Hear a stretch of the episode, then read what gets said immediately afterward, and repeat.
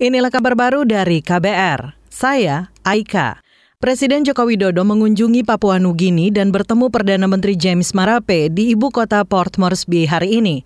Kunjungan Jokowi ke Papua Nugini dilakukan setelah melawat ke Australia. Jokowi menyebut Papua Nugini merupakan mitra Indonesia di dalam banyak sektor strategis.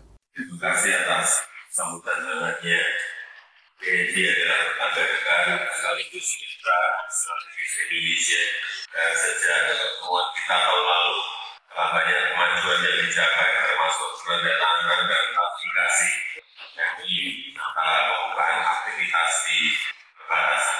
Presiden Jokowi menjelaskan hubungan Indonesia dan Papua Nugini tidak hanya sebagai sahabat, tetapi juga saudara serumpun. Dalam kunjungan itu Jokowi didampingi sejumlah menteri antara lain Menteri Koordinator Bidang Perekonomian Erlangga Hartarto, Menteri Koordinator Bidang Kemaritiman dan Investasi Luhut Binsar Panjaitan, Menteri Sekretaris Negara Pratikno, Menteri Luar Negeri Retno Marsudi, serta Menteri Perdagangan Zulkifli Hasan. Kita ke informasi pemilu 2024. Kabar Pemilu. Kabar Pemilu. Badan Pengawas Pemilu Bawaslu RI mendorong Komisi Pemilihan Umum KPU segera berkoordinasi dengan Badan Perlindungan Pekerja Migran Indonesia BP2MI guna memperoleh data warga Indonesia di luar negeri untuk perbaikan daftar pemilih tetap DPT.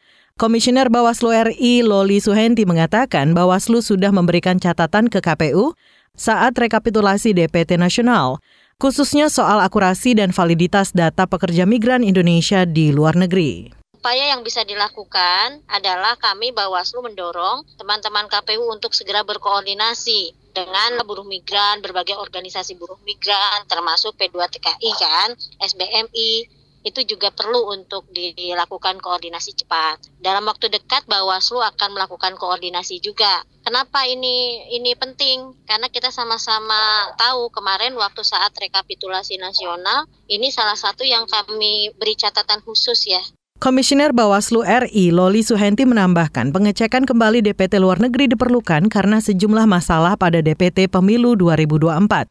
Sebelumnya KPU telah menetapkan jumlah pemilih di luar negeri untuk pemilu 2024 berjumlah sekitar 1,7 juta. Namun data tersebut diragukan banyak pihak. Kepala Badan Perlindungan Pekerja Migran Indonesia Beni Ramdhani tidak percaya angka itu menggambarkan jumlah pemilih sesungguhnya di luar negeri. Menurutnya, saat ini setidaknya ada 4 jutaan pekerja migran Indonesia di luar negeri. Kita ke informasi lain. Aliansi Masyarakat Sipil untuk Reformasi Kepolisian menilai hari ulang tahun Bayangkara ke-77 perlu menjadi momen bagi Polri untuk mengaudit aturan penggunaan senjata api. Anggota aliansi dari LBH Padang, Sumatera Barat, Diki Rafiki mengatakan, saat ini kerap terjadi penggunaan senjata api oleh aparat secara sewenang-wenang. Walaupun sudah ada perkap terkait soal itu, tapi itu menjadi dalih dia juga. Uh, tapi mengaudit ini cukup perlu bahwa pemakaian senjata api dalam proses penangkapan seperti apa. Anggota Aliansi Masyarakat Sipil untuk Reformasi Kepolisian dari LBH Padang, Diki Rafiki menambahkan, penangkapan-penangkapan yang tidak sesuai prosedur juga berpotensi mengakibatkan kesakitan atau kelumpuhan di luar batas kemanusiaan.